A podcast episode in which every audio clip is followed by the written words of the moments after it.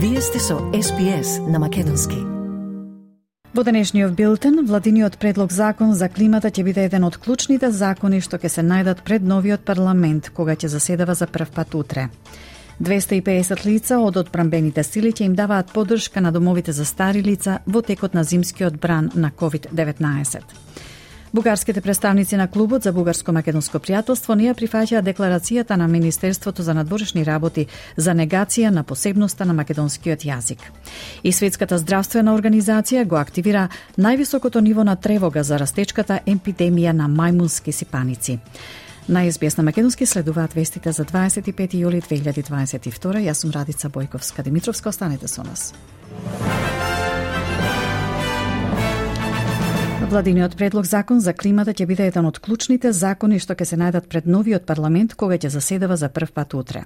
Централниот дел на законот на лабористите е нова цел за намалување на емисиите на јаглерод за 43% до 2030 година, но за тоа ќе биде потребна поддршка од зелените и независните во Сенатот за да биде усвоен. Новоизбраната сенаторка од Квинсленд од редовите на зелените Пени Алман Пейн рече дека лидерот на незината партија Адам Бенд преговара со владата за легислативата. We have said consistently throughout the election that we think the target needs to meet the science. We've empowered Adam to negotiate on behalf of Party Room. We have not made a decision on any legislation. Сенаторката Бриджит Мекензи од Националната партија вели дека ќе гласа против владиниот предлог закон за климата и додаде дека она што е потребно во моментов е транзиција кон економија со ниски емисии, што како што вели не остава никого незаштитен. I will be voting um, against this legislation, obviously. Uh, there isn't a clear plan of what, how they will mitigate the impacts of setting such an ambitious target. Uh, you know, and I can't be clearer. It's, it's not about climate change or not. We all know climate change uh, is occurring. We all know that where the impacts are being felt, we need a transition to a low emission economy that doesn't leave anyone behind. Австралискиот министер за земјоделство вели дека повиците за затворање на границите кон Индонезија поради заканата од шап и лигавка се штетни. Сојузната влада веќе ги заостри карантинските мерки за да се запре ширењето на болеста во земјава, означувајќи ги како најголем одговор за биосигурност во историјата на Австралија. Но опозицијскиот министр за имиграција Ден Тиен инсистира дека владата не одговорила на загриженоста на земјоделците. Farmers are incredibly concerned that the government is not taking the action that's needed and the action on the ground to protect them from foot and mouth disease. We've been told that sanitiser mats would be rolled out. Uh, they're not there at the airport. There are reports of travellers coming in this morning. Still no sanitiser mats in place. Still not proper inspections taking place. Deep concern because we're hearing a lot of talk but no action. Министерот за земјоделство пак Марај Вот инсистира дека експертите од индустријата ја поддржуваат акцијата на владата и се спротивставуваат на затворање на границите и дека опозицијата е таа која што создава хистерија. On Friday, I did a press conference with the president of the National Farmers Federation, uh, where she backed in the measures that we're taking and opposed the border closures. We've we've seen public comments from uh, meat processors, from cattle council, from every possible farm group, saying that the government is doing the right thing and that the opposition are the people who are driving hysteria. Сојузната влада ја проширува поддршката од страна на одбранбените сили за секторот за нега на стари лица во Австралија, бидејќи повеќе од една третина од установите за нега на стари лица во земјава се борат со појава на COVID-19. Министерот за одбрана Ричард Маус најави дека до 250 лица од одбранбените сили ќе дадат поддршка за домовите за стари лица во текот на зимскиот бран. Овој потек е одговор на барањата на давателите на нега на стари лица и синдикатите кои бараат поголема поддршка, бидејќи австралиските одбранбени сили требаше да ја повлечат својата работна сила по 12 август. По состанокот меѓу Сојузното здравство и одбранбените власти, Ричард Малс изјави дека медицинските лица од одбранбените сили ќе бидат распоредени до крајот на септември. It's increasing from 30 to 250, so it's a, it's a considerable increase in the numbers of uh, Defence Force personnel involved in clinical and non-clinical care. Um, it, it's, it's not a situation that can be there permanently, but we are seeing a really significant outbreak in our aged care sector, sector and so it, it is an important step to be taking over the next couple of months. А владата на Викторија го зголемува бројот на студентки, медицински сестри и акушерки во болниците широм државата, бидејќи бројот на приеми во болниците со пациенти со COVID-19 продолжува да расте. Околу 1000 специализанти ќе бидат распоредени низ 29 градски и регионални болници. Тоа е дел од планот на државната влада во вредност од 59 милиони долари за да помогне да се намали притисокот врз здравствените работници кои се на првата линија во борбата со COVID-19 повеќе од две години.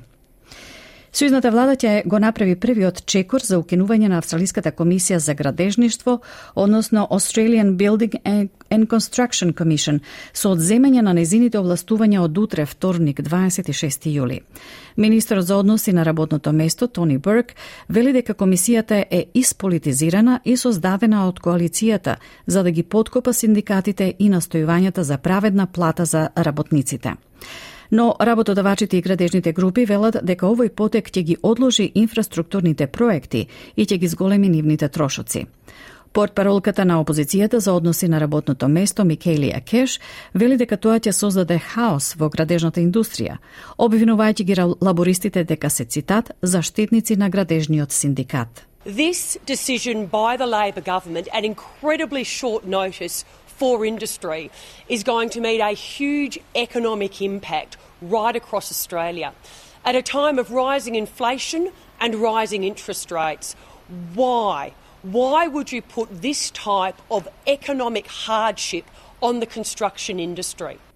Полицијата истражува расправија во која учествувале поранешниот вице-премиер на Нов Јужен Велс Џон Бариларо и снимател во текот на викендот. Снимката покажува членови на јавноста кои гледаат како господин Бариларо го фаќа камерманот за рака додека тој се враќа назад и се обидел да го отурне додека снимателот балансирал со голема камера на неговото рамо. Господин Бариларо во изјава за Каналот 9 ги бранеше своите постапки, велејќи дека снимателот одеднаш му ја вперил камерата и микрофонот додека тој излегувал од ресторан во темница. Saturday night, I went out with friends for a few drinks, uh, for a pizza, to come out in the dark to have a camera shoved in your face, a microphone in your face, and I at, at that point, you know, asking him just to walk away. I've got nothing to say. Тоа доаѓа во момент кога парламентот на Нови Јужен Велс најверојатно ќе биде свикан во петок, откако државната влада не успеа да достави документи во врска со назначувањето на господин Бариларо на високо платено работно место во Нью Йорк. Бугарските членови на Клубот за бугарско-македонско пријателство неа прифаќаа декларацијата на Бугарското министерство за надворешни работи за македонскиот јазик, во која, како што велат, експлицитно се нагласува дека Бугарија продолжува да, го, да не го признава македонскиот јазик. Според нив, ваквата декларација непотребно го усложнува и го попречува процесот на зближување меѓу Бугарија и Македонија и им служи на интересите на субјектите од двете страни на границата кои конфликтот го претворија во поле за заработка на дивиденди. Во реакцијата се вели дека создавањето на современите официјални литературни јазици е сложен историски процес што траел во Европа од 16 до 20 век. Понатаму во реакцијата се вели, македонскиот јазик и македонската литература се изучуваат на голем број од најпрестижните универзитети во светот, од кои користи имаат не само граѓаните на Македонија, туку и влијателната македонска дијаспора. Меѓународните договори се подпишани на македонски јазик, а другите 26 членки на Европската Унија имплицитно признаваат дека по евентуалниот прием на Македонија во Европската Унија, овој јазик автоматски ќе стане еден од официјалните јазици на Унијата, се наведува во документот на бугарските представници на Клубот за бугарско-македонско пријателство. Светската здравствена организација го активира највисокото ниво на тревога за растечката епидемија на мајмунски сипаници, прогласувајќи го вирусот за вонредна состојба за јавното здравје со меѓународна загриженост. Означувањето значи дека организацијата сега го класифицира вирусот како вирус за кој е потребен координиран меѓународен одговор, иако не им наметнува задолжителни постапки на националните влади. Европа во моментов е епицентарот на избовнувањето на епидемијата, а мажите кои имаат сексуални односи со мажи се под најголем ризик. Професор Ендрю Грулич, епидемиолог од Институтот Кирби, вели дека има вакцина против мајмунските сипаници и дека истата е најдоброто средство за спречување на епидемијата. Тој посочува дека ако вакцината се употреби во Австралија сега, би можело да се избегне епидемија каква што има во Европа или Северна Америка. The big issue is that uh, it's a vaccine that has barely been used in humans before and uh, is very much in undersupply around the world.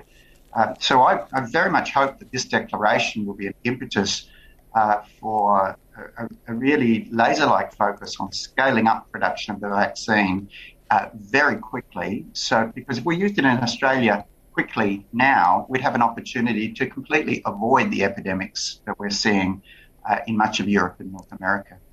Шефот на Светската здравствена организација Тедрос Аданом Гебриезус вели дека глобалниот ризик е умерен и дека веројатно нема да ја наруши меѓународната трговија или патувањето во моментов.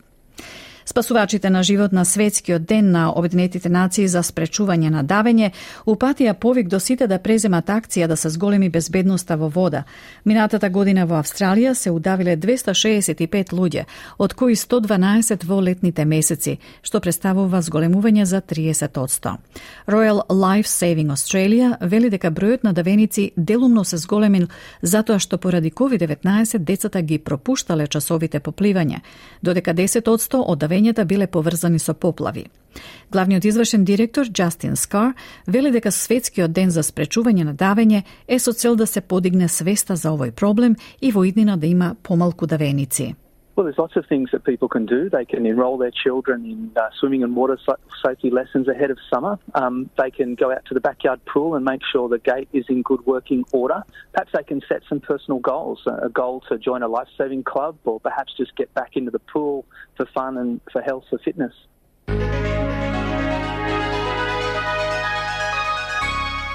Од најновата курсна листа, денеска еден австралиски долар се менува за 0,67 евра, за 0,69 американски долари и за 41,34 македонски денари, додека еден американски долар се менува за 59,72 македонски денари, а едно евро за 60,99 македонски денари. Еве со и временската прогноза за главните градови за утре, вторник 26 јули. Перт врнежливо, максималната ке стаса до 19 степен, Аделаид делумно облачно 15, Мелбун врнежливо и ветровито, максимална 12, Хобарт врнежливо 14, Камбера услови за дожд 12, Сиднеј повремени слаби врнежи 18, Бризбен сончево 25, сончево и за Дарвин 32, сончево и за Алис Спринг со максимална до 18 степени.